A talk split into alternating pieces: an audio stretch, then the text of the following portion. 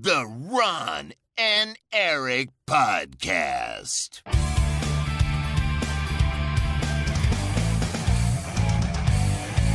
Double kill.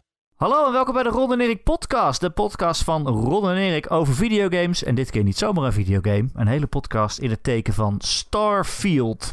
Het is aflevering 458. Mijn naam is kadet Erik Nusselder. Bij mij is zoals altijd Ron Forstemans. Oh my god.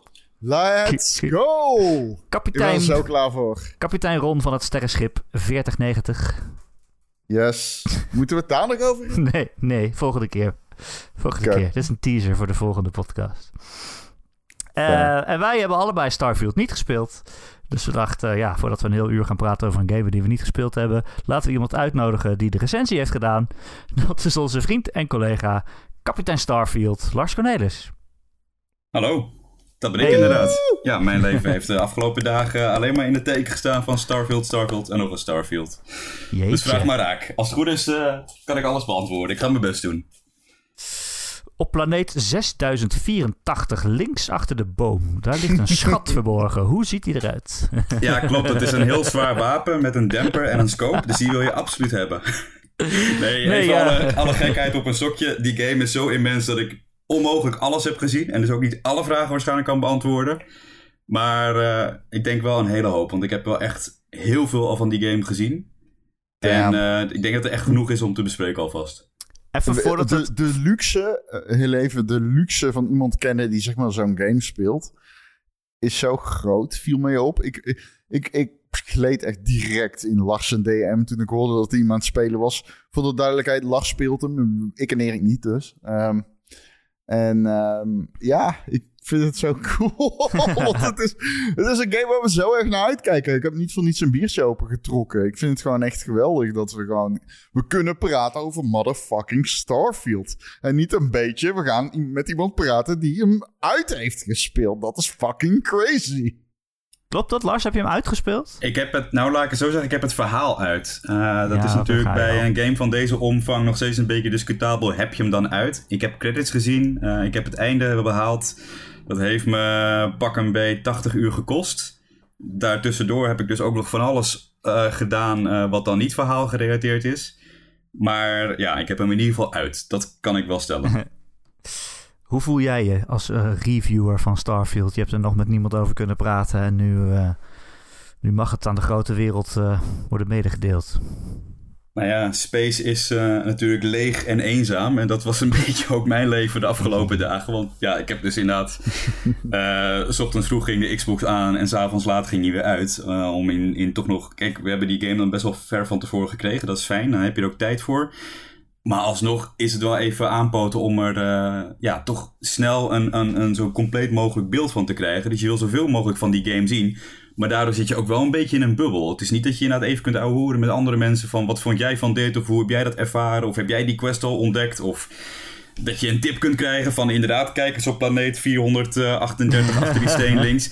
Want dat is er niet. En eh, nou ja, een, een, een dom voorbeeld van waar je dan tegenaan loopt. Eh, op een gegeven moment zocht ik een bepaalde winkel op een planeet. En ja, normaal is Google dan je vriend. Tenminste, volgens Marcel tegenwoordig steeds minder, maar andere Ja. discussie. Maar je kan in principe altijd normaal wel even dan op Google vinden van eh, de, de Trade Authority op planeet, eh, wat was het, Aquila. Eh, waar is die? Nou ja, dat was er nu niet. Niemand kon me vertellen, Nee. dus eh, dat moesten we zelf zien te rooien. Maar goed, Ja. we hebben het overleefd. dit, dit voelt heel relatable voor iemand die net Armored Core 6 heeft geraced. Precies. Bij eens in En- zoveel tijd bij heel veel games kom je tegen dit soort dingen aan. En, en dit, games als Starfield zijn van een dusdanige schaal dat je wat eerder tegen zulke problemen aanloopt. Maar goed, het is natuurlijk een luxe probleem. Want terwijl de hele wereld er al op zit te wachten, dan eh zweefde ik wel daar al tussen de sterren. Ja, Ja, nee, Nou, zeker. Ik had het ook met Zelda nog meer. Maar Erik, jij wil vast Ja, en ik zeker wou gaan zeggen, vragen. vertel het maar. Even top level. Iedereen kijkt naar deze game uit. Wat vind je ervan? Het is een beetje een dooddoener, maar het is toch de makkelijkste manier om te omschrijven. Dit is in bijna elk opzicht toch echt Skyrim in space. Eh, volgens mij heeft Todd Howard dat zelf ook al vanaf het begin af aangeroepen. En dat is nou eenmaal wel gewoon zo. Alles wat tof is aan Skyrim zit hierin. En toffer en nieuwer en mooier en alles. Maar dat is het. En alles wat slecht was of verouderd aan Skyrim zit hier in zekere zin ook in. Hmm. En dat maakt het best wel, eh, best wel dubbel. Want enerzijds, eh, ja, technisch gezien kun je nog best wel wat erop aanmerken. Aan de andere kant, ik kan me niet herinneren dat ik zoveel uur met zoveel plezier in een game heb gestoken. En dat is uiteindelijk natuurlijk toch wel het allerbelangrijkste aan een game. Dat je gewoon lol hebt.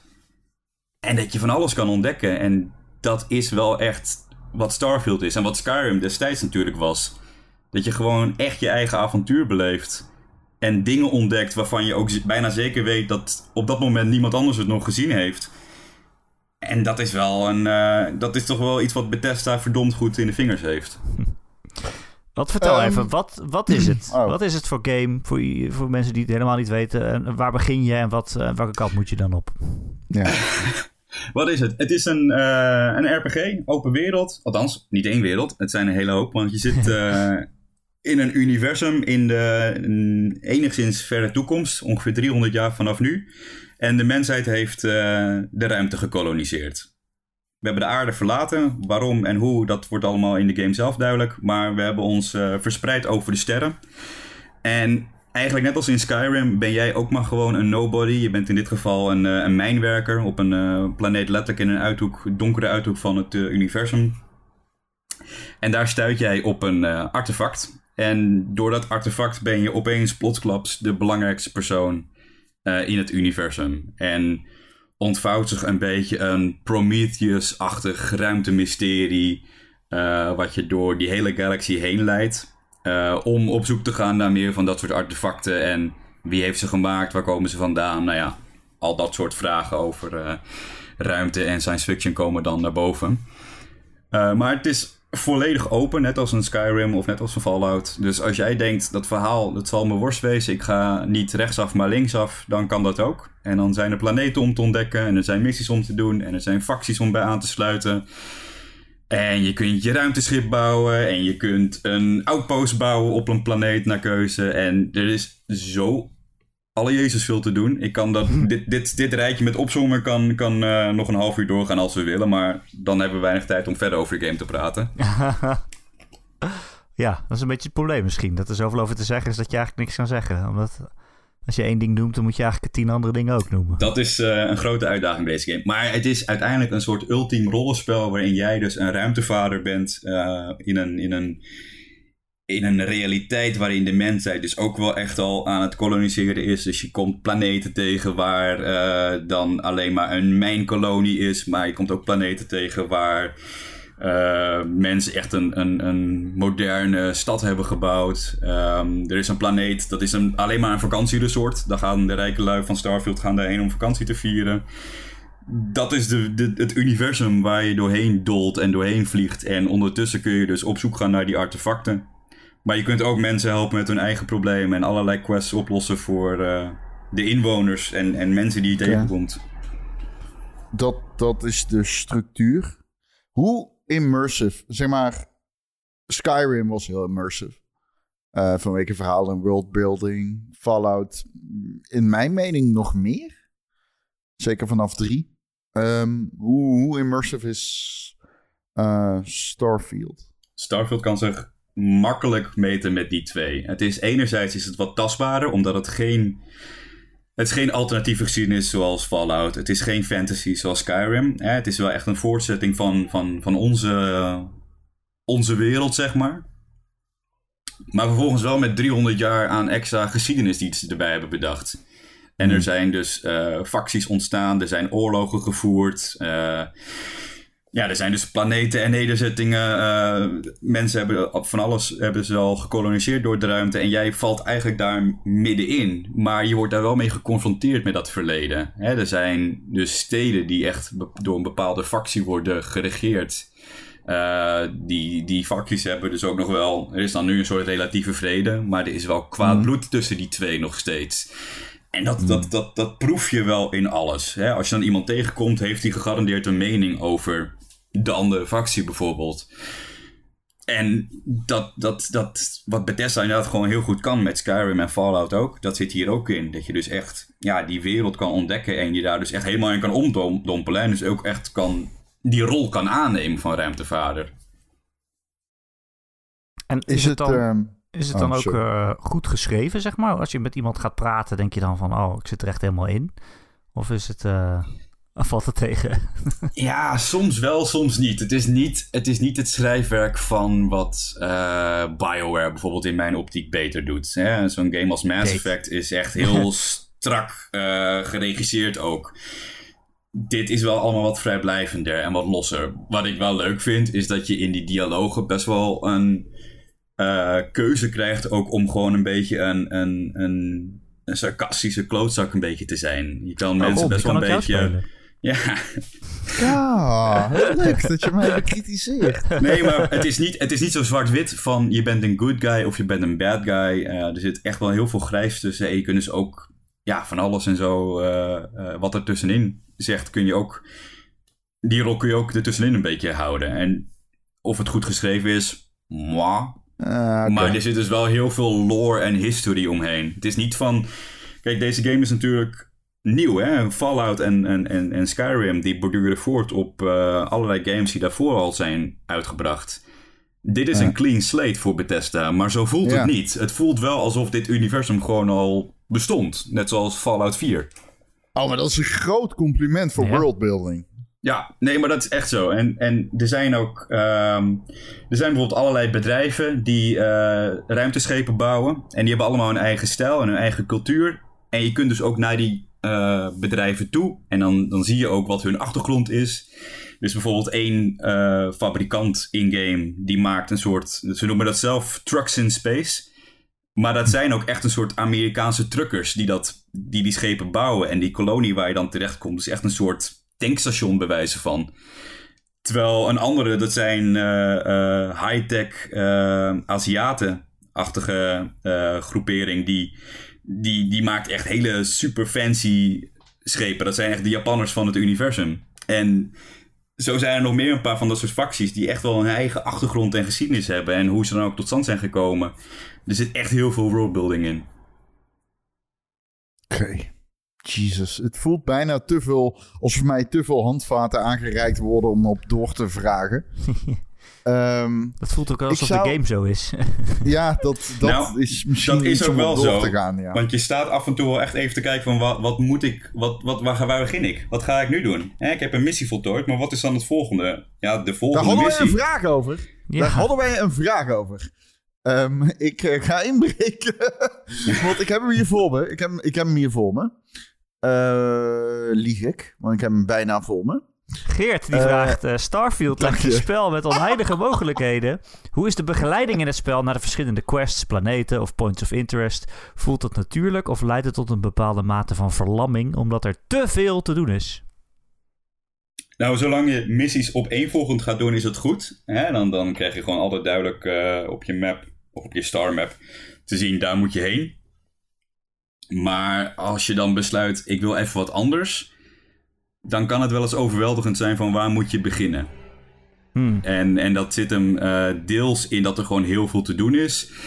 Eh, het zit hem ook deels in dat het zo verspreid is, de content, dat je soms even niet weet waar je moet gaan zoeken. Als je in een stad bent, dan worden de, de quests als het ware op je gegooid. Je loopt langs een, een terminal en, en eh, de, die terminal begint iets te blaren, waardoor je weet, oh, daar moet ik iets mee doen. Maar je moet dan wel eerst naar die stad toe gaan. En als je al een aantal van dat soort steden hebt aangedaan, dan weet je soms niet, is het nog de moeite om terug te keren om daar quests te gaan beginnen. En dat maakt het soms wel een beetje lastig om dan even te bepalen van waar ga ik in godsnaam nu naartoe. Hoe, eh, hoe ziet jouw questlog eruit in die game? Heb jij tientallen quests tegelijkertijd? Heb je er een paar? Eh, ik heb er zelf sowieso echt tientallen openstaan. Dat komt ook deels omdat ik niet alles eh, heb uitgespeeld wat ik wou doen. Omdat ik me dus echt even... Ja, ik wou als een soort, een soort dwarsdoorsnede van de game wou ik krijgen. Hè? Omdat je dus nou ja, in wat 80 uur toch alles wel gezien wilt hebben. Ongeveer. Dus ik heb heel veel open laten staan. Ik zou zelf, als ik hem nu op mijn gemak verder ga spelen, dan ga ik dat wel iets meer afronden voordat ik aan iets nieuws begin. En dat kan ook wel, want zolang je binnen een stad blijft, kun je zeg maar eigenlijk eerst alles doen binnen één stad of nederzetting. En dan zou je dus best wel als je de tijd ervoor neemt, zou je best wel stad voor stad zeg maar, de game kunnen uitspelen. Wat ik in feite ook deed bij Fallout of Skyrim. Bij Skyrim Oh, ja. dan heb ik ook wel eens in één stad me eerst een tijdje geconcentreerd. Daar dol je een tijdje rond tot die game dan op een gegeven moment zegt... nu mag je naar de hele andere kant van de map. En dan ga je daar een tijdje ronddolen. En ik ben er nu wat harder doorheen gegaan. Maar ik denk dat het wel op zich vergelijkbaar is. Maar het is nu iets minder makkelijk om back te tracken waar je nog eh, misschien iets gemist hebt. Neem, neem mij eens mee in een quest in Starfield. Neem me eens mee in een sidequest die je kunt krijgen in Starfield. Is dat niveautje haal de post op? ehm, of is dat echt dat je eh, naar een riool wordt gestuurd en dan uitkomt in een open ruimte en dan heb je een eindbaas? Ehm, het grappige is dat de game er zelf af en toe een beetje de spot mee drijft. Ik denk dat ze zelf ook wel weten dat die echte fetch quests niet meer eh, van deze tijd zijn. een goed voorbeeld had ik vandaag toevallig. Eh, er begon een, eh, een terminal te blaren van een bedrijf dat sollicitanten zocht. Dus ik dacht, nou ja, kijken wat er gebeurt. Dus ik bij dat bedrijf aankloppen om te solliciteren voor een of andere mm, directieassistent functie. Moet je dus ook echt een gesprek voeren in het spel. Ehm, en mijn eerste opdracht was koffie halen voor de directie. nou ja, toen dacht ik, daar gaan we al met een mooie fetch quest. Maar dat bleek de opmaat naar wel een verdere verhaallijn... waarin ik binnen no time ineens hun eh, eigen henchman was... voor eh, delicate zaken, die ze zoals ze het zelf omschreven. En voor het weet stond ik dus met een eh, groot, groot wapen aan mijn heup... eh, van alles te doen en te bespreken voor ze. Dus, en vervolgens word je dan wel in een, in een, in een verhaal van, van bedrijfsspionage... en weet ik wat allemaal getrokken. Dus het is grappig hoe die game af en toe zelf daar een beetje spot mee drijft. Er zijn wel af en toe nog wel quests waarvan je denkt... Moi, dat is niet zo spannend. Maar ze weten je wel dan meteen in een soort... eh, zeker de missies rondom de facties en bedrijven en de instellingen... die weten je wel echt meteen in een verhaallijn te trekken. Misschien moeten we die kant op. Het verhaal. Eh Erik begon net over hoe het geschreven is.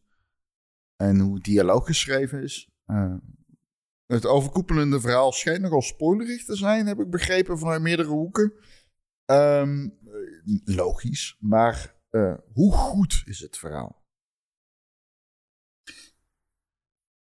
Het verhaal het moet even op gang komen. Want in het begin eh, draait het dus om die, om die artefacten. Hè? Daar begint de game mee. Dat je dus één artefact ontdekt. En dat is dan een, een eentje van een, een set van meerdere. En dan moet je ze allemaal vinden. En dat is een beetje... Moi, een beetje fetch quest, eh, maar dan in het verhaal. Spelen die artefacten een rol in de gameplay?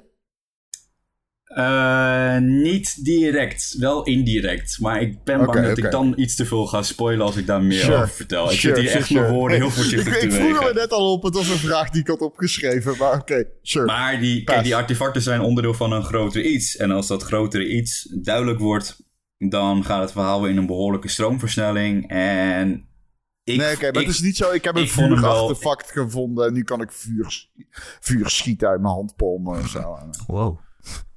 Eh, ik kan die vraag, ik kan die vraag Laat niet helemaal laat maar, laat negatief beantwoorden. La- Maar la- laat maar. Ontdek verder. zelf maar. Ja, we gaan verder.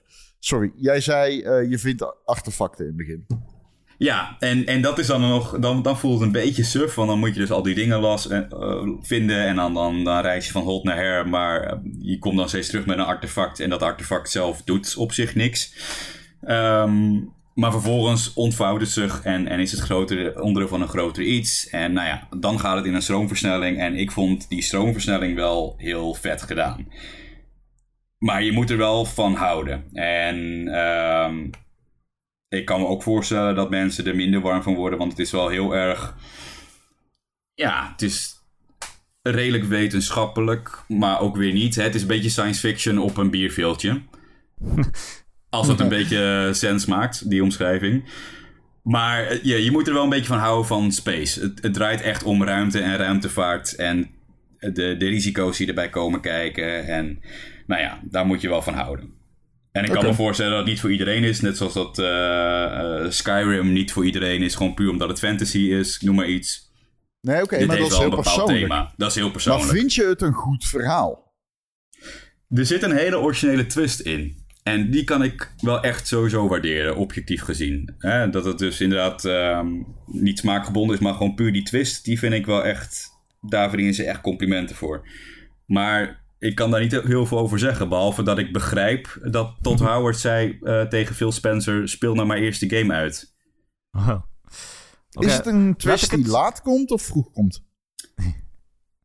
Ehm, moet ik even denken hoe die precies zit. Je, je hebt hem op een gegeven moment heb je hem door, denk ik. Tenminste, ik, had hem, ik zag hem op een gegeven moment aankomen. Ah, Oké, Ah, oké. dan weet ik het allemaal niet. Maar laat ik, laat ik het dan zo vragen. Maar, maar ja, ik kan inderdaad niet exact aanwijzen wanneer die Nee. twist plaatsvindt. Want dat moet je inderdaad zelf wel echt ontdekken. Dat is wel ontdek, on- Maar- onderdeel van de, van de reis erheen. Maar laat ik, het, laat ik het dan zo vragen. Kijk, Starfield is een gigantisch spel en je, kan er misschien honderden uren in bezig zijn. Ben je die game aan het spelen en dat verhaal aan het volgen dat je denkt... oh, ik ben benieuwd hoe het verder gaat. Ik ga snel het verhaal doen. Of is het verhaal meer een soort van excuus om überhaupt in die wereld te zijn? En... Nee, ik had wel dat het.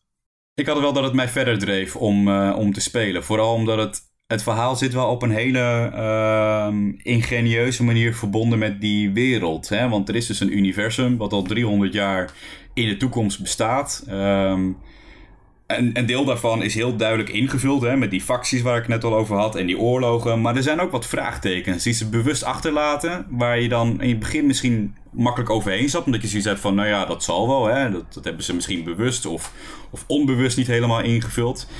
En dan gaat dat verhaal, dat, dat kleurt dat als het ware steeds meer in. En dat kon ik wel heel erg waarderen. Waardoor ik wel de drang voelde om dat verhaal te spelen. Oké. Tegelijkertijd is het een beetje net als bij Skyrim. Ik heb Skyrim meerdere keren gespeeld.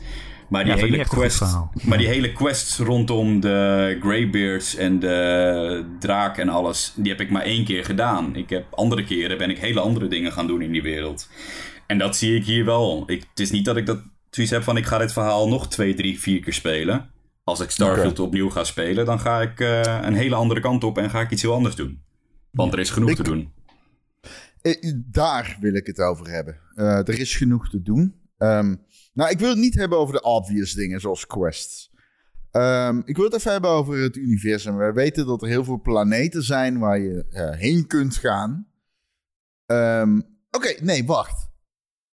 Eh, Nee, wacht. Oh, fuck. Het is zo ingewikkeld, man. Eh, Oké, even terug. Je hebt een ruimteschip. Eh, dat ruimteschip kun je vormgeven. Voordat ik jou ga vragen hoe is het om in de ruimte te zijn en op andere ruimteschepen te schieten. Wat is jouw schip? Is dat je hub? Is dat je uitvalsbasis? Is dat waar vanuit je zeg maar missies van missie naar missie gaat? Hoe moet ik dat eh, zien? Dat is een hele goede vraag. Het schip is eigenlijk wat jij ervan wil maken. Letterlijk en figuurlijk. Want je kan het schip inderdaad aanpassen. Eh, wat ik gek genoeg niet heb gevonden, wat niet betekent dat het er niet is, maar ik heb het gewoon niet gevonden, is een manier om helemaal van scratch een schip te bouwen. Dus je kan wel nieuwe schepen kopen en die dan aanpassen. Dus ik heb op een gegeven moment het Oh. goedkoopste schip. Ik heb op een gegeven moment het go- allergoedkoopste schip gekocht. En die helemaal eh, uit elkaar gehaald en opnieuw opgebouwd. Dat was eh, mijn eh, cheatcode, zeg maar, om zelf een schip te bouwen. Want vervolgens kun je alle onderdelen swappen en, en verbouwen en verwijderen en toevoegen. Maar dat schip zelf, ja, eigenlijk ehm, heeft het eigenlijk geen functie. Het brengt je van A naar B, maar dat doet fast travel ook. Dus je hoeft het schip niet eens te zien als je eh, daar niet zo heel veel waarde aan hecht. Ehm, Wat wel echt een functie heeft, is je cargo hold. Eh, je kent allemaal natuurlijk, iedereen die Skyrim heeft gespeeld weet hoe het is als je overencumbered bent en niet meer kan rennen. Dat is hier een klein beetje aangepast, want je kan nog wel rennen, maar je raakt eerder buiten adem. Maar eh, als je dus niet wil dat je dat steeds hebt, dan gooi je alles in je cargo hold. En mijn cargo hold lag dus vol met wapens en grondstoffen. Kan dat gewoon vanuit je inventory of moet je echt eh, van je inventory of moet je echt zeg maar naar... naar Nee, dat gaat, dat eh, gaat gewoon via het menu. Dus je, je klikt in het menu, dan je, moet je wel in de buurt van je schip zijn. En als je dan in de buurt van je schip bent, dan eh, kun je alles gewoon in je schip dumpen. Ah, oké, chill. Dus ik heb daar alles in gedumpt. Ehm, maar dat cargo hold is, is, is eindig. En eh, dat, net als je eigen broekzak, zeg maar, is je cargo hold ook eindig. Dus op een gegeven moment kun je dan nieuwe cargo holds gaan bouwen eh, op je schip. Maar als die dan weer te zwaar worden, dan moet je weer nieuwe landingsstelsels onder je schip zetten. En voor je het weet, eh, zit je zes uur in het aanpassen van je vleugels. Haalde jij bevrediging uit het aanpassen van je schip? Toen ik het door had wel. Want uh, ja, wat ik zeg, je kunt dus niet van scratch iets beginnen. En dat vind ik wel echt een gemiste kans. Maar misschien dat ik dat nog uh, ontdek, dat het toch nog ergens kan. Maar uh, ja, je kan, je kan wel echt toch wel heel veel ermee aanpassen. En je moet even out of the box denken. Want in het begin lijkt het een beetje een standaard blokkendoos. Met um, units waar, je, waar je, jij en je crew doorheen kunnen lopen en kunnen zitten. En um, vleugels en engines en landingsstelsels. Dus je moet even doorhebben hoe dat systeem werkt. En er zit dus ook, wat ik al zei, als je schip een bepaald gewicht heeft, dan uh, moet hij weer een extra landingsstelsel hebben. En zo zitten allemaal systeempjes die samenhangen, um, die je even door moet hebben. Als je schip ook te zwaar is bijvoorbeeld, dan is hij weer minder makkelijk te manoeuvreren. Dus je moet het even doorhebben, maar ik vond het wel heel vet om een eigen schip te bouwen. En als je dan eenmaal op die landingspad staat en je, je ziet jouw schip en niet zomaar een, een schip uit de catalogus, ja. dat is wel vet hoor. Dat geeft toch wel een beetje dat gevoel van een, een uh, uh, Firefly of een, uh, de, de Razor Crest in, in The Mandalorian. Weet je, schepen hebben dan in dat soort science fiction series toch vaak een, een bepaalde persoonlijkheid. Um, en dat had mijn schip nu ook. Dus dat vond ik wel heel vet. Ook al heeft het, hè, nogmaals, als jij het houdt bij de schepen die je uh, gewoon kant-en-klaar kan kopen, dan heb je verder exact dezelfde ervaring in de game. Dus het is puur okay. cosmetisch, maar dat is soms ja, genoeg. Okay. Dat kan soms genoeg zijn. Daar wil ik op door, want uh, space is groot, schijnt, in het uh, algemeen. Koud ook. Ja, ja allebei stil, kan ik bevestigen niemand in, hoort je schreeuwen. Niemand hoort je schreeuwen. Um, hoe werkt ruimte? Ik kan een planeet verlaten in deze game, neem ik aan. Um, en dan ben ik in de ruimte. En dan? Het is geen No Man's Sky waarin je naadloos uh, landt en opstijgt. Dat is iets wat in ieder geval echt even goed gerealiseerd moet worden. Ja. Want dat is dus echt uh, ge, ja, gescheiden van elkaar. Je, je maar, waar, op. maar waar ben ik? Als ik, um, ik, ik verlaat een planeet met een tussenfilmpje, neem ik aan of zo? Ja, dat is een, klein, een korte animatie waarin je gewoon opstijgt. En dan, dan zweef je boven de planeet in kwestie waar je op dat moment was. Of de maan in, in, in kwestie waar je op dat moment op uh, liep. Oké, okay, en kan ik dan overal heen? In principe, voor zover ik weet wel. Nou ja, je kunt dus niet opnieuw weer landen, want je kunt niet rechtstreeks naar je planeet toevliegen. Je moet dan echt selecteren, ik wil daar landen en dan komt er weer zeg maar, hetzelfde Ah, filmpje als net, maar dan andersom Ja, dat je ja, landt. Ehm, En in principe kun je dan overal landen op die planeet waar je wil. Je kunt ook door de ruimte vliegen, alleen ja, ruimte is groot. De afstanden zijn, Ja. de afstanden zijn echt dat je echt even met je, met je ogen moet knipperen van lees ik dit goed, zoveel getallen. En het is, het is gewoon niet te doen. Ik heb, ik heb geen één keer een reis gemaakt tussen twee planeten handmatig. Sterker nog, Hè? ik heb niet eens een reis gemaakt tussen een planeet en een maan rondom die planeet. Want zelfs die afstand was al om van te duizelen. En daar begin ik gewoon niet aan. Maar, wacht, oh, ik dacht echt... even, even. Oh, Erik en ik zijn allebei in... eh, we zijn allebei in what the fuck modus, Ik dacht ik. echt dat dit een ruimteverken game was. Maar je bent helemaal dat niet is, het, dat, is het dat is het ook wel. Maar dat doe Ja, maar je in dan in zoverre via het menu. Je, je, je, je opent Ja. je star map en dan zie je dus welke planeten er rondom een ster hangen. En dan selecteer je, ik wil naar die planeet. En dan brengt het spel je nou- naar die planeet. Die game heeft duizend planeten, toch? Hoe moet je nou weten... Oh, ik ga nu naar deze planeet. Hoe moet je dat nou weten? Waarom zou je naar een planeet gaan als er duizend zijn? Ja, dat is de goede vraag. Dat is Oh, een, een stukje toch ook wel, eh, denk ik, dat die game overlaat aan je intrinsieke motivatie. Dat je zoiets hebt van, ik wil daarheen. En als je dat niet wil, nou ja, dan niet. Hè? Er, er, zijn, kijk, er zijn een aantal steden eh, op planeten. Dat zijn echt de centrale hubs. Dat is een, een, een Diamond City uit Fallout 4 of een Whiterun uit Skyrim. Daar gebeurt het meeste. Maar dat zijn zeg maar Eh, handmatig gemaakte steden op bepaalde planeten. Precies, dat is ook, dat is ook waar de game, hè, waar Bethesda echt in excelleert. In dat soort werelden bouwen en dat soort steden bouwen en die sfeer neerzetten. Eh, en die steden zijn ook allemaal echt heel anders qua vibe. Dus dat doen ze echt heel goed. Maar dat is aangegeven op de kaart welke planeten de moeite zijn. Of ja, waar dus echt een, uh, dat is uh, heel, waar dus echt een stad, waar dus echt een stad of een nederzetting is. Dat is een En al die- opmerking. Al die andere planeten en manen, dat is eigenlijk. Het is geen opvul, want het is wel onderdeel, vind ik, van die, die space exploration vibe van de game. Maar ik denk dat niemand het in zijn hoofd haalt om ze alle duizend te gaan bezoeken. Jesus Maar, wat- Christ, man. maar stel, ik, ik land op een willekeurige planeet. Hè, daar is dan misschien eh, willekeurig gegenereerde content of zo. Is daar dan iets te doen? Of is er... Ja, is ik heb best wel, eh, reden ik heb best wel moeite gaan. gehad om dat helemaal uit te pluizen hoe dat systeem nou precies werkt. En ik denk dat ik het door heb. Maar ja, nogmaals, ik heb met niemand erover kunnen praten. Dus het zijn alleen maar mijn bevindingen. Je landt op een planeet en hij genereert dan een stukje land eh, op de plek die je hebt aangegeven. Dus er wordt bijvoorbeeld wel rekening gehouden met het klimaat en de stand van de zon en dat soort zaken. Dus eh, stel je landt op een planeet bij een poolkap, of aan de noordzijde of echt aan de zuidzijde, dan is het daar een stuk kouder dan wanneer je op de Evenaar landt. Dus daar is rekening mee gehouden. En vervolgens Hmm. hangt het van de planeet af wat er te doen is. In sommige gevallen is er gewoon echt helemaal niks. Dan heb ik echt... Maar hoe ziet dat eruit? Je loopt gewoon rond op die planeet in oneindig alsof je, niks. alsof je in de Sahara bent gedropt en gewoon willekeurig een uur, nou ja, een uur zou ik niet aanraden zonder van je tijd, maar een, een aantal minuten lang een kant op loopt. En er zijn. Maar Sahara is niks. dat is Dat hier is ook. niks. Ja, dat is hier ook. Maar dat is in zoverre natuurlijk bewust. Hè? Dat, is, dat is dan ook. Dat straalt ook een bepaalde melancholische eenzaamheid uit, zou ik het bijna omschrijven. over? Het is gewoon een nee, maar het is echt. Het is echt een Is beetje er een die. kans dat ik een wapen vind? Nee, daar niet.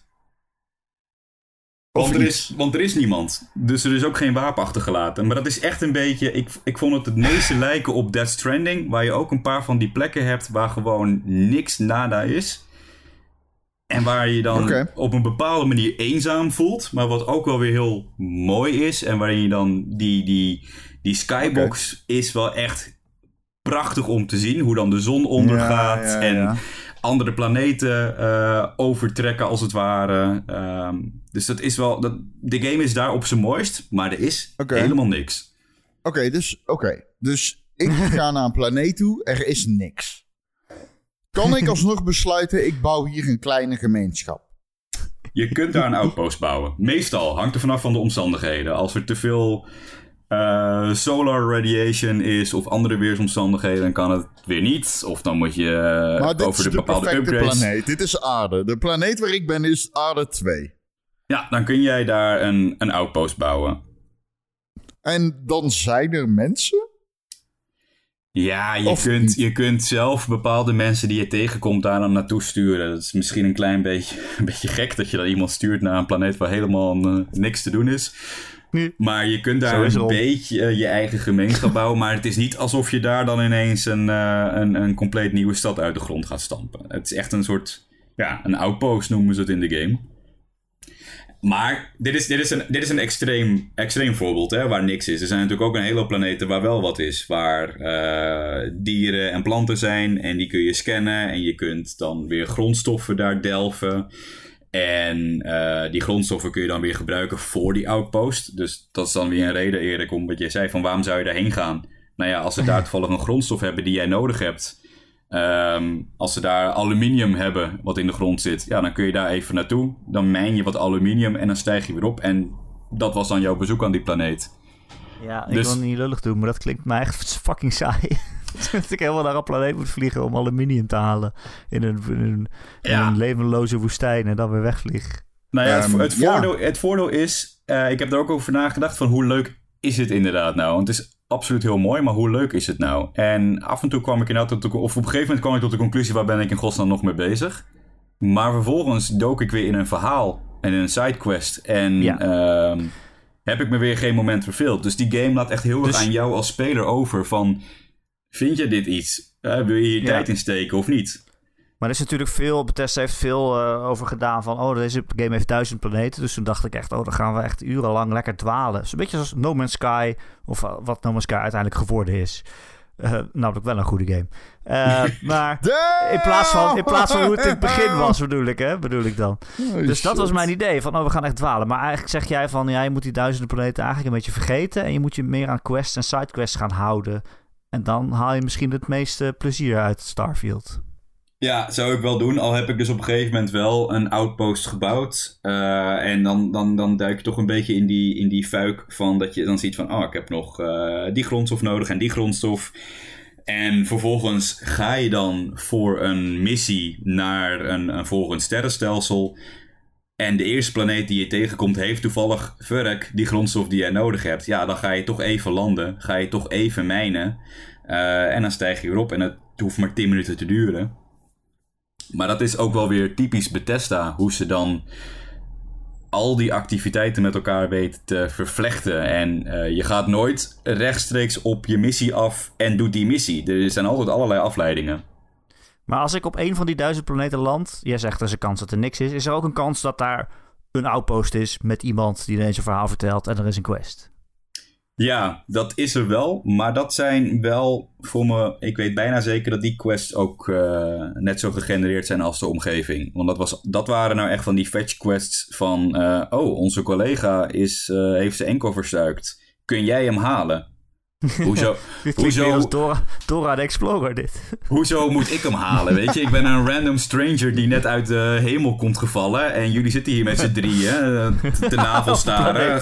Ga je eigen vriendje helpen. Maar ik moet dan ineens uh, de, die persoon ophalen. Dus dat zijn niet de beste quests. Ze zijn er wel. En er zijn ook wel dan verlaten, uh, verlaten outposts en verlaten research stations. En er is wel wat te doen. Maar ja, daar moet je de game niet voor kopen in ieder geval, zou ik um, zeggen. We hadden in de Discord ook veel vragen over dat base beelden of, of outpost bouwen. Sven vraagt bijvoorbeeld... Het, het, lijkt best wel een uitgebreide mechanic. Maar kom je nou dan echt vaak terug naar planeten waar je al een base hebt? Ik bedoel, wat, wat voor reden heb je om terug te gaan naar een plek waar jij een basis hebt gebouwd? Ja, ik heb dat wel gedaan. Ik uh, zat op een gegeven moment in een, in een soort... Uh, bijna een soort routine die ik ook had in Red Dead Redemption. Dat je steeds even teruggaat naar je basis. En dat is gewoon heel praktisch om even je spullen te lossen, um, even je, je schip te repareren. Al dat soort zaken kun je dan even doen op één plek die van jou is en die ook zo voelt. Want daar is niemand. Hè? Er, zijn dan niet, er komen dan niet ineens allemaal mensen naar je toe die uh, hulp nodig hebben omdat ze een van de request voor je hebben. Nee, die basis was echt van mij en daar stonden mijn spullen. En dat voelde wel, ja, toch wel een beetje als een soort thuis. Oké. Okay. Um, en CatDog vraagt ook, is het een vereiste om te doen in dit spel? Zeg maar outpost bouwen. Nee, nee net als je schip. Um, je schip heb je wel nodig natuurlijk om, om, om door al die planeten heen, of van al die planeten te reizen. Uh, maar je krijgt een schip, dus dat, dat hoef je ook niet vanzelf te bouwen. Um, maar een outpost is geen vereiste. Tenminste, het zou kunnen zijn dat er natuurlijk nog ergens ineens een van de questlijn zich opent waarin dat wel nodig is. Maar ik heb het verhaal uitgespeeld zonder een, uh, waar, ik de, waar ik hem niet voor nodig had. Oké. Ik denk dat we even, ik weet niet uh, hoe jij uh, denkt Ron, ik denk dat we even naar de gameplay moeten gaan. Want Starfield is ook, wat we gezien hebben, gewoon een shooter. Ja. Hoe ik wil het eigenlijk niet vragen. Hoe is hoe schiet, hoe schiet hij? Ja, zeg het, zeg het. hoe schieten de wapens? Nee, hoe, hoe speelt het? Is het? Speelt het een beetje lekker weg? Verrassend genoeg wel. Ik uh, had me een beetje voorbereid op een, op een beetje zoals in Fallout. Hè. Fallout heeft ook wapens, maar uh, ik ben er nooit echt fan van geweest. Want het voelt toch een beetje janky, een beetje clunky. En ik weet niet wie ze bij, uh, bij, bij id Software vandaan hebben getoverd. Maar ze hebben toch wel gelukt om. Uh, het is gelukt om een shooter van te maken. Het is nog wel echt een, een RPG-shooter. Dus als je bijvoorbeeld iemand in zijn gezicht schiet, is hij niet meteen dood. Wat je misschien verwacht bij een shooter. In maar dan is hij wel, ook. maar dan is hij wel blind. Want hè, je hebt dan damage gedaan op een bepaalde plek. Dus dat, ah. dat um, hoe heet het in Fallout? VATS heet dat systeem? Ja, Ron weet dit. Ja. Dat, dat, zit er, dat zit er eigenlijk als het ware nog in. Alleen je kunt daar niet meer zo selecteren zoals in Fallout uh, wat je precies wilt targeten. Maar het, dat idee dat je dus ledematen kunt beschadigen, dat zit er nog wel in. Dus het is, het is een RPG. Maar hij speelt wel echt ja, best wel vloeiend als een shooter. En kan je veel verschillende uitrusting vinden en zo. Nieuwe wapens, een bazooka, een laser. Ja, er zitten echt wel behoorlijk wat verschillende soorten wapens in. eh, die dan ook allemaal weer gemod zijn. Dus op een gegeven moment had ik dan wapens met extended magazines en scopes en dampers en alles erop en eraan. Het is alleen wel wat meer gegrond in de realiteit. Kijk, bij Fallout zijn we natuurlijk gewend geraakt om dan ook ineens een mini-nuke uit je broekzak te toveren. Hm. Dat zit hier niet wel. in. Dat zit hier niet in. Je hebt dan wel laserwapens en ehm, gewoon wapens met gewoon kogels. En, en ook een paar hele antieke wapens uit, uit zeg maar onze huidige tijd. Maar het zijn wel gewoon wapens. Het is niet dat je ineens een eh, kleine raketinstallatie kunt gaan gebruiken. Oké, geen eh, nuke zoals een Fallout die uit je launcher schiet. Nee, en ook niet die mooie explosies en animaties die er dan bij horen. Dus het is allemaal Ja, wat meer gegrond in de realiteit. En ik vind dat wel prima voor deze game, want dat past ook wel echt bij de hele vibe van de game. Maar dat is, Is nooit om rekening mee te shooter? Het houden. is geen shooter dus. Het is geen shooter, het is echt een RPG. Want wat ik zeg, bij een shooter verwacht ik ook dat als ik iemand een headshot geef, dat die, eh, dat die klaar is. En, en hier niet. Ja. Je doet wel, je doet, je wel extra damage, van- zeg maar. Omdat hij dan dus, Ja, eh, ja. zijn, je, je, je haalt zijn zicht weg en zo. Maar het blijft een RPG. In Maar die goed, zin. dat is ook zo in Borderlands. En eh, Ja, dat, is ook een, eh, dat is wel een shooter. Hij speelt een beetje. Ik denk dat je hem daar redelijk mee kan vergelijken. Want je hebt dus inderdaad ook dan wapens die eh, eh, mensen in de fik kunnen steken. En eh, ja, dat soort wapens zitten er allemaal in. Dus het valt inderdaad wat meer richting Borderlands. Als Borderlands natuurlijk dan ook wel weer een redelijk geschifte versie ervan. Ja, ja. Oké. Ik, ehm, ik heb nog wat eh, quick hits. Ehm, stel, ik heb een ehm, PC gekocht en met een eh 4090 videokaart. Stel, ik heb net, eh, stel, ik heb net 3500 euro uitgegeven aan een PC om deze game te spelen in 4K. Eh, hoe mooi zou die dan zijn? Het is echt een heel onrealistisch scenario. Ik weet niet waar je dit vandaan haalt.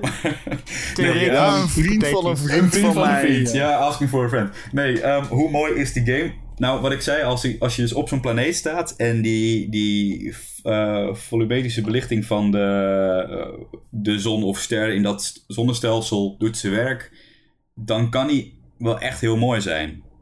Maar als je dan vervolgens weer met iemand staat te praten en dat gezicht begint te bewegen, ja, het is Bethesda, zullen we maar zeggen. Hè? Oh, Ja. De camera zoomt dan in en dat personage kijkt recht in de camera. Zo. Ik heb één keer mooi, eh, ik heb daar ook een filmpje van gemaakt. Ehm, begin ik met iemand te praten en er, er loopt iemand, gaat er gewoon voor staan. Die staat gewoon tussen Ja. mij en die persoon in. En die, die kijkt mij strak aan met een, een zieloze, dode blik. Zegt niks, beweegt verder ook niet. Eh, maar die, die is er gewoon per ongeluk tussen gekomen. En die blijft daar het hele gesprek staan. En dat, ze, ja, dat zijn wel van die typische Bethesda-quirks die erin zitten. Oké. Ja, daar En- moeten we het dan toch over hebben. Want Bethesda Ja, natuurlijk ook bekend om games eigenlijk te vroeg uitbrengen. En er zitten nog heel veel bugs in en er gebeuren allemaal rare dingen. Deze game is wel een paar keer uitgesteld. Ogenschijnlijk voor de polish en eh, dat soort dingen te voorkomen. Maar jij noemt nu al één ding. Zit het... Ja, ik durf het bijna niet te vragen. Zit... Hoeveel bugs zitten erin? Ja, kan ze Ja, Dat hoe is de maar- Bethesda, Bethesda, Bethesda jank? Dat valt reuze mee, de hoeveelheid bugs. Ehm, ik kan eigenlijk zelfs wel stellen dat er... te- nou, laat ik zo zeggen, in die 80 uur eh, dat ik gespeeld heb... ben ik geen enkele game-breaking bug tegengekomen. Geen deuren die niet open gaan. Geen NPC's die door de grond zijn gezakt of er gewoon niet meer zijn. Ehm, en dat heb ik natuurlijk bij, bij Fallout en bij Skyrim eh, heb, ik dat soort dingen toch wel vaak gehad. Dat je inderdaad gewoon een quest niet kan voltooien en dan een, een stuk moet herladen. Dat is hier niet gebeurd. Het enige eigenlijk wat terugkeerde was dat op een gegeven moment wordt iedereen kaal.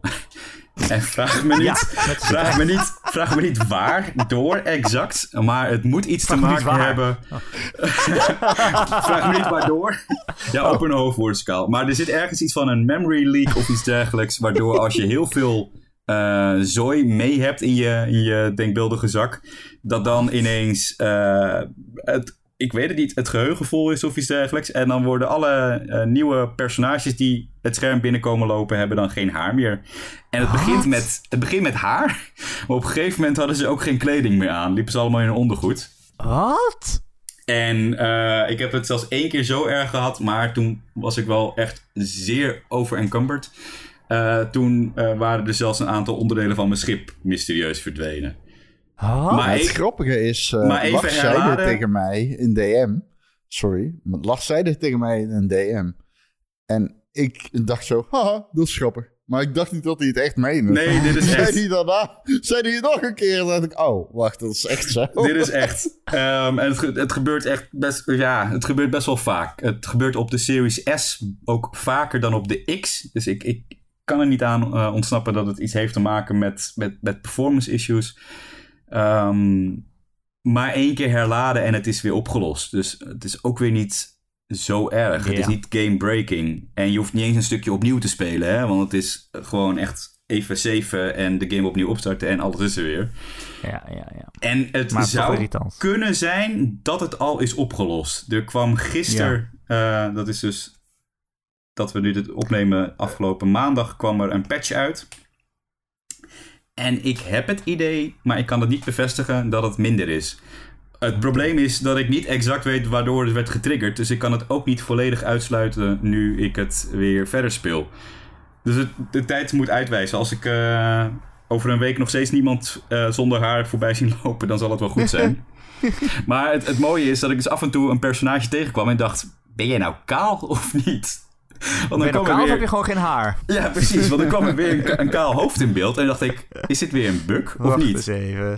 Oh nee, deze persoon Ja, is kaal bij design. Oké, dan is het goed. Let's go. Eh onze Oké. luisteraar Mike Shaw die vraagt ook nog: is de framerate op de Xbox Series X een beetje stabiel? Het is 30 fps, dat weten we, maar is Ja. het, eh, hoe het? Ehm, die is redelijk stabiel. Uiteraard zijn er wel eens momenten dat die inzakt als je het echt heel erg bond maakt.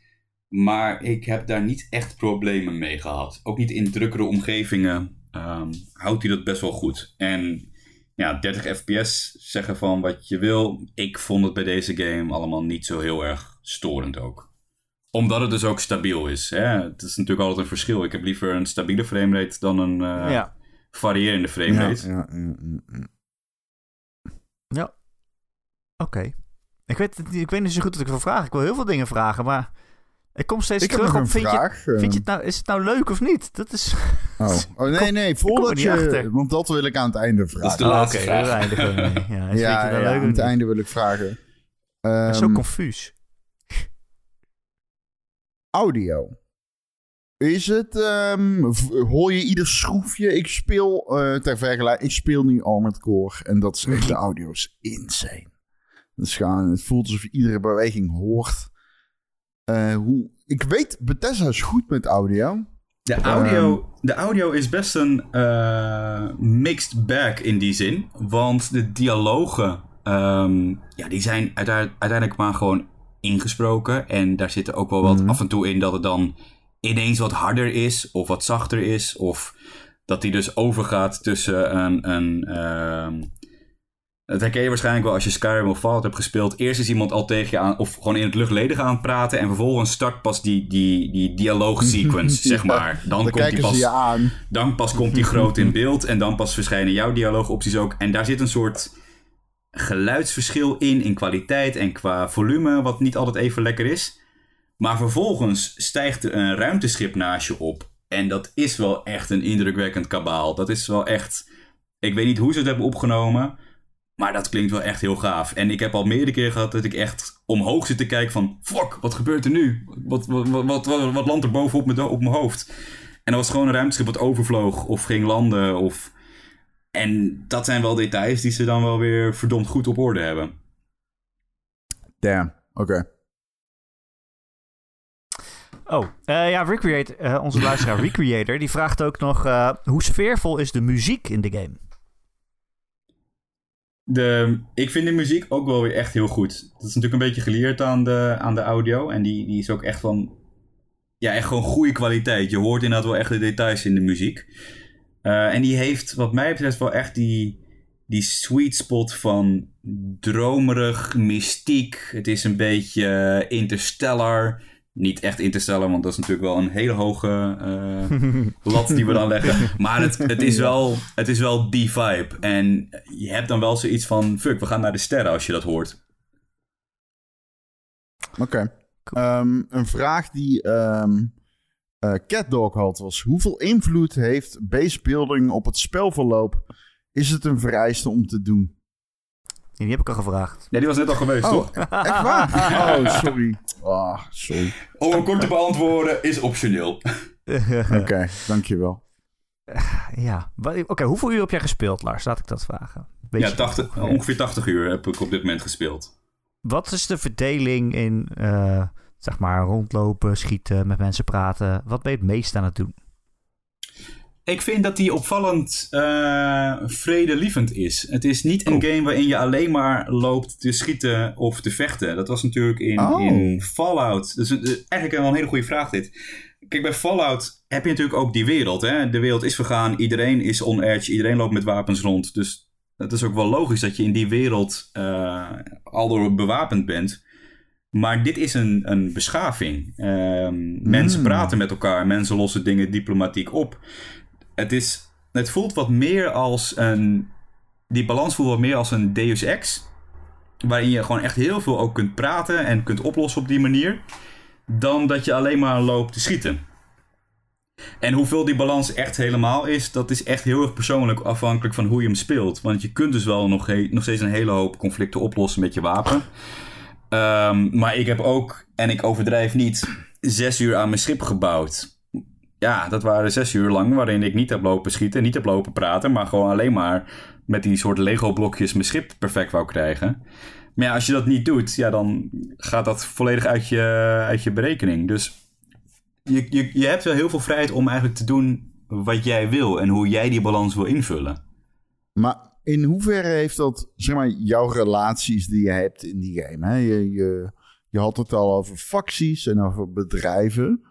Um, in hoeverre vormen die uh, het einde? Is er één einde? Um, er zijn, denk ik, meerdere eindes mogelijk.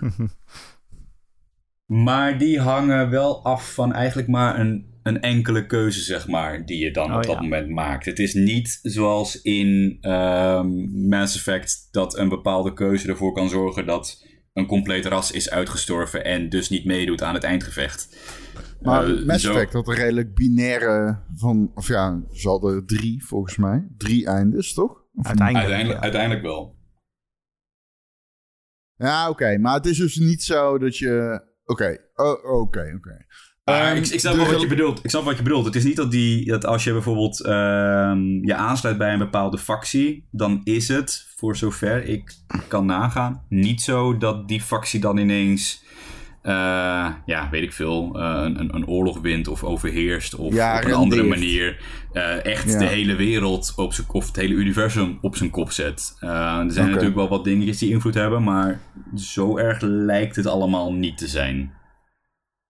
Ik, um, ik heb nog één vraag, dat is mijn laatste vraag. Daarna mag Erik afsluiten of andere vragen stellen.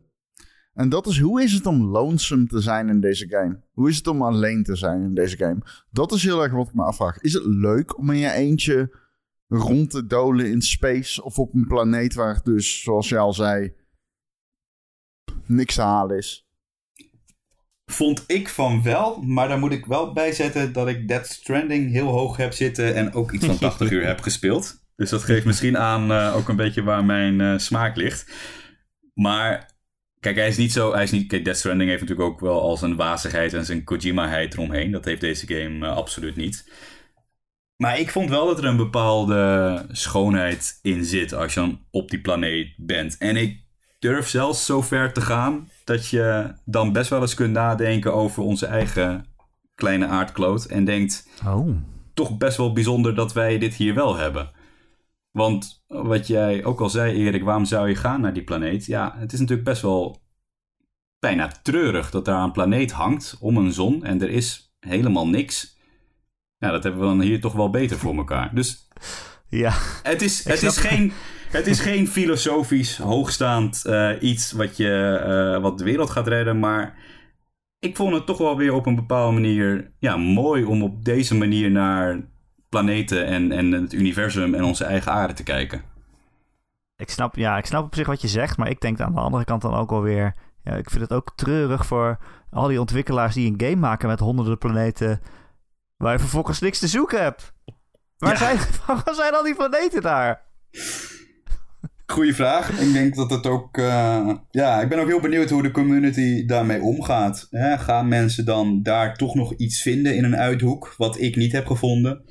Ehm, of is er inderdaad Ja. niks? En dat, dat zullen we denk ik pas ontdekken met z'n allen zo meteen. Ehm, Oké, eh, de de- laatste vraag Oh. die we allemaal hebben is natuurlijk, Lars, hoe goed is deze game? Hoe goed is hij? eh, is een hele moeilijke schaal. Ehm, ik kan makkelijker Mhm. samenvatten met is hij leuk? Want dat kan ik met een echt hele grote, dikke, vette ja beantwoorden.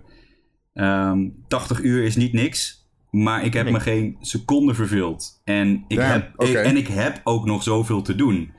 Want Hmm. er is echt nog zoveel wat ik wil doen. En ik heb best wel vaak bij. Kijk, jullie weten dat als geen ander. Als je een recensie doet, dan ga je toch best wel wat harder door een game heen. Je laat wat dingen liggen misschien.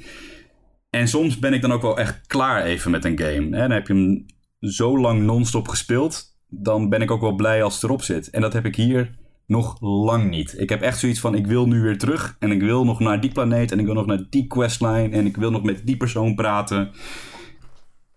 En dat is toch wel echt, eh, ja, toch wel echt wel heel knap dat Bethesda dat heeft eh, weten te bereiken. Ja. Maar er is natuurlijk ook best wel veel druk op deze game. Hè? Ik bedoel, moet je natuurlijk los zien als je zo'n recensie schrijft. Maar ja, voor heel veel mensen is dit toch de make it or break it game van, eh, van Xbox. Van ja, als dit tegenvalt of als dit niet minstens een 9 of hoger is, dan eh, is het verloren gegaan. Dit moet het merk gaan dragen en zo. Is hij... Ja, Dylan Bob vraagt het ook in onze Discord. Is dit de ecosystem seller waar Microsoft dan de, het marktaandeel mee gaat winnen?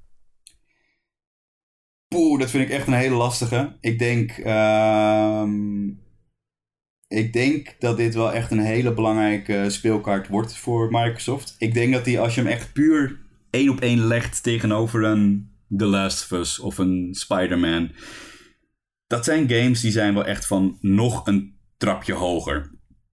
Die games zijn, zijn, Hmm. zijn bijna perfect. Maar, en dat is deze game niet. Hè? Die techniek die is toch best wel wat verouderd. Eh, die planeten zijn toch ook wel deels best wel opvul. Maar tegelijkertijd is dit zo'n enorme wereld waarin zoveel te ontdekken valt. En hij is ook zo toegankelijk. Ik bedoel, een game als een, een Baldur's Gate of een Armored Core 6, die zijn ook echt heel erg goed en bejubeld. Maar ik weet niet of die voor iedereen toegankelijk is. Terwijl dit is weer zo'n game. Ik weet nog hoe het met Skyrim was. Iedereen en zijn moeder was die game aan het spelen. En dat zie ik hier ook wel gebeuren. Dat mensen die normaal niet zo heel veel hebben met games, dit gewoon een kans gaan geven en hun eigen eh, draai vinden in het universum. Omdat je ook zoveel kan. Hè? Als jij een basis wil bouwen, leef je uit. Als jij een ruimteschip wil bouwen, ga je gang. Als je dat niet wil doen en gewoon een shooter wil spelen, doe je ding. En dat is wel echt een grote troef. En het voordeel is voor Microsoft, voor Game Pass, is dat die gewoon alle Jezus groot is. Dit ga je niet met, dit ga je niet met één maandje Game Pass eh, af- afkunnen. Dus mensen gaan nu dan ook... Het zou me niks verbazen als mensen hier dan Game Pass voor nemen... en dan ook meteen voor langere tijd in dat ecosysteem zitten. Dus in die zin, het is geen game as a service. Hè? Het is geen, geen, geen Destiny of, of geen No Man's Sky... wat natuurlijk ook een beetje een game as a service is geworden. Maar ik denk wel dat mensen hier lang mee onder de pannen zijn. En als er dan ook een beetje een steady stroom van DLC gaat komen, wat ze met Fallout bijvoorbeeld ook hebben gedaan, ja, dan, dan is dit wel eh, zeker binnen het Game Pass verhaal, denk ik dat Microsoft die echt wel een hele goede in handen heeft. Oké, wauw. Dat vind ik nogal een eh, uitspraak. Wat, ehm, wat ga je hem geven? Weet je het al? Ik ben er nog niet 100% over uit. Eh, ik heb ehm, nog een anderhalve dag om eh, me helemaal eh, daarover te breken. Maar Je hoeft het niet te zeggen als je het niet wilt. Dat doen Erik en ik ook niet in de podcast. hoor. Het wordt hoog, laat ik het daarop houden. En je, ik gaf het net al een beetje weg. Het is niet het, het legendarische niveau van een The Last of Us 2. Maar goed, dat, dat zal niemand Bethesda kwalijk nemen. Maar het zit wel hoog. En het e- exacte cijfer, dat zal dan eh, Oh ja. donderdag volgen. nu. Hij krijgt hoger dan een 8, denk ik. Oh, er belt iemand aan. Meteen, Ja. met- meteen Bethesda, PC Bethesda bezorgen. voor Volgens je. mij is het Simon, die is me aan het appen namelijk. Maar Nee joh. Simon staat voor de deur. Ehm, Lars, er was nog één vraag in onze Discord. Ja, vertel. En iedereen vond dat we die moesten stellen. Ik weet over welke vraag het gaat. En die vraag komt van Brent, Brent, Brent. en de vraag luidt als volgt. Is alien seks mogelijk? Voor zover ik weet, Ik heb er alles aan gedaan. voor zover ik weet, niet. Wat? Maar ik sluit, ik sluit niks uit. Eh, maar ik denk het niet. Je hebt alles geprobeerd. Ik heb alles geprobeerd. Ik heb wel eh, al voorbij zien komen dat er ehm, dinosaurussen zijn, of dinosaurusachtige wezens zijn, die verdomd veel op een penis lijken. Tuurlijk. Dus Ja, tuurlijk. ik denk dat eh, mensen die dat inderdaad heel graag willen, het daarmee moeten doen. Ja, tuurlijk. Geef een Maar willekeurig genererende AI genoeg tijd en hij maakt altijd een penis. Oké, Maar beter dan dat wordt het eh, niet, ben ik bang. maar bouw je wel relaties op met mensen? Of... Ja, maar dat is ook weer wel... Sorry, motherfucker gaat vanuit, kun je aliens neuken? En bouw je wel relaties op met Ja, mensen? Goede volgorde. Voor goede komt er toch, volgorde komt er toch nog een laatste vraag uit. Ehm, er zitten een soort van relaties in, maar ook dat is niet heel veel beter of slechter of anders dan in Fallout 4. Ehm, ook Ik wil gewoon liefde vinden, Ron. Nee, ook daarin eh, zijn er betere games. Als je, dat, eh, als je dat belangrijk vindt, zijn er betere games te vinden. Ron gunt maar geen liefde. Ik vind het zo jammer. De ruimte is zo groot en eenzaam. Je ik hebt wil al gewoon liefde. iemand om te knuffelen. Je hebt al liefde. Ge- gun mij Oh, mijn space waifu. Ja, maar jij hebt een PC van 3000 euro gekocht. Dat klopt. Dat klopt. Is ook wat waard. Maar liefde of, geen, liefde of geen 4500 liefde, het is wel een game om, eh, om toch behoorlijk verliefd op te worden. Weet je waar je Hmm. ook verliefd op kan worden? Ja! De Ron en Erik podcast. Elke maandag te downloaden via allerlei podcast apps en feeds. Je kunt je abonneren op je favoriete podcast app. En dan komen wij elke maandagochtend of in dit geval donderdagmiddag vanzelf eh, in je oren. Als je dat ergens doet waar je ook een recensie achter kan laten. Je moet Zouden wij het heel fijn vinden als je dat een keertje doet. Vijf sterretjes, bijvoorbeeld op Spotify of op Apple Podcasts of waar het dan ook maar kan. Wat is er? Je moet stoppen met zo komen in je oren. Nee, Je dat kunt is, eh, niet gasten van ons aan mensen houden Dat- ervan. Mensen houden van eh, herken, herkenbare punten. I'm not sure. Ik weet het niet. Ja, ja, ja, ja. Oké. Ja. De, ruimte is eh, groot en eenzaam, Ron. Na 80 uur spelen ben je blij dat er iemand in je oren komt. Hier, het staat al voor je deur. Het staat al voor je deur. Staat. Eh, wil je meer ronden Erik? Dat kan als je ons steunt via Patreon. Klein bedrag in de maand. En dan krijg je elke week een extra podcast. Eh, en deze week eh, deden eh, we de release-lijst. Kijken we naar welke games er allemaal dit weekend, of deze maand uitkomen. En doen Ron en Erik ook een poging om te voorspellen wat het gemiddelde cijfer wordt van die game. Nou, zeker bij Mm. Starfield is het. eh, ik ben heel benieuwd eh, hoe we in de wedstrijd zitten. En of het een ik, beetje- Wat voor gemiddelde hebben jullie verwacht voor die game? Ron zei 89. Ik zei 86. Oké. Ik ga er verder niet op wie in, denk maar je, ik vind wie, het wel wie denk je een dat er wint? Wie denk je dat er wint? Nee, wil je niet zeggen? Ah, maar dan gaat het niet alleen over mijn review, maar over wat de Nee, hele wereld ervan alles. vindt. Nee, het gaat Ehm, om zeg maar gewoon wat jij denkt dat hij scoort. Wat zei jij, Want? Erik en ik redeneren vanuit recensentenbrein, zeg maar. Zo van, wat vinden mensen die recenseren van Starfield? Ik denk eh, dat die op Metacritic uit gaat komen op ongeveer 88. Dank Oh, dat zit er precies tussen! Goed, nee, daarmee win ik. Er zit iets dichter bij Ron, dus ik, ehm, ik, Ja. ik kies toch Rons kant. En ehm, mijn cijfer zal sowieso geen 88 zijn, want dat doen we niet op gamer.nl. Dus het wordt een nee. verrassing wat dat van mij gaat worden nog. Een 8,5 of een 9. Ik hoor het al. Achterhalf half de negen, wat een lullige opmerking. Van Wie weet, maar het gaat om een gemiddelde, dus het kan nog alle kanten op. 9 ding. Eh, eh, wat was ik aan het zeggen? Oh ja, als je ons steunt via eh, Patreon. patreon.com slash Ron en Erik. Dan krijg je dus eh, elke week extra podcasten voor een iets groter bedrag. In de maand word je ook vriend van de show. En dan verdien je een dikke, dikke shout-out. En dat zijn deze week Betje Fris, Bobby, Christian, Dozen Faces, Grekio, Heisenberg 190, Marky Mark, Mr. Mime, Raoul, RDK for Life, Recreator, The Rock, The Killing Bean, Wesley D en Tijn en zijn vrouw. Allemaal heel erg bedankt eh, voor de steun. We hebben geen geld van ons over, dat is geen probleem. We houden alsnog van je, uh, want de ruimte is uh, leeg en groot. En uh, je verdient een Discord om al je gameervaringen in te delen. Nou, gelukkig is die er. Die heet de Ronde Nerik Discord. Er zitten bijna 500 luisteraars in. Gezellig met elkaar te praten en te kletsen en over games te praten. Ik denk dat Maar er ook wel een echt Starfield kanaal wordt.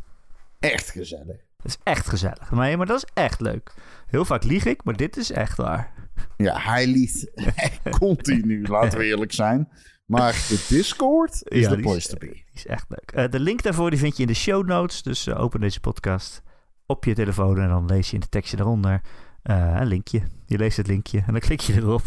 En dan kom je in de Discord terecht. Ik weet ook Wat niet is meer goed ik weet niet, communicatie, ik, dames en heren. ik En weet niet meer wat ik moet zeggen. Ik ben nog steeds zo confuus over deze game. Het lijkt me eigenlijk... Ik heb eigenlijk... Het lijkt me helemaal niet meer zo leuk. Waarom zijn er zoveel planeten? Luister Lars, beter is die leuk. Ik heb een PC gekocht van 3500 euro. nee, hij is absoluut, wat ik al zei, 80 uur lang heb ik me geen seconde verveeld. En ik ben nog van plan om er nog heel veel tijd in te gaan steken. Oké. Eh, en alles wat je niet leuk vindt, moet je gewoon lekker links laten liggen. Ah, Erik. oké. Dat dat kan goed goed. go. wel. Dus als er dat planeten waar ik niks te doen is, moet jij lekker Ja. links laten liggen. Maar ik dacht En- zo van, oh, dit wordt zeg maar No Man's Sky, maar dan wel meteen goed. Van, oh, lekker rondvliegen en van alles verkennen en overal is iets. Maar dat is dus niet zo. Ik moet gewoon... Jezus, jouw brein heeft ook echt een severe Ja. degrees aan wrath. Als je dacht dat dat Ja, maar je kan toch gewoon... worden. Als je zoveel planeten hebt, dat dan overal iets Bethesda. Bethesda ergens is te beleven. Maar dat is dus niet zo. Nee, maar dat moet je die developers ook niet What? aandoen. Dat ze dan voor elke duizend planeten iets moeten gaan maken wat van die kwaliteit is. Nee, ik, ik Ja, ben blij met die de opzet. planeten. Ik ben echt ik ben blij met deze opzet. Dit werkt. Maar je moet er wel even je draai in ben- vinden. En het komt goed, Erik. Ik ben zeer enthousiast geworden naar dit en Ron eh, moet gesprek. wel, want die moet zijn PC op die manier eh, verantwoorden. Ja, Ja, dit is absoluut Ja. moet ik er ook bij zeggen. Eh, ik heb een PC gekocht van 3500 euro met een 4090 en alles. Iedere game die zeg maar belastend is, zal ik de hemel in prijzen in recensies. Starfield krijgt een 10 op Game Bij deze. Alright. Vervolgens ga je er alleen maar Vampire Survivors op spelen, denk ik. Fucking dichter bij de waarheid dan ik toegeven wil. Alright, Lars. eh dankjewel. Ik ben echt super Ja, benieuwd naar de super game. bedankt. Echt thanks. Graag gedaan. Eh, goed uitgelegd ook, man. Ja. Echt eh, chapeau. Ik ga dan weer verder. Oh ja.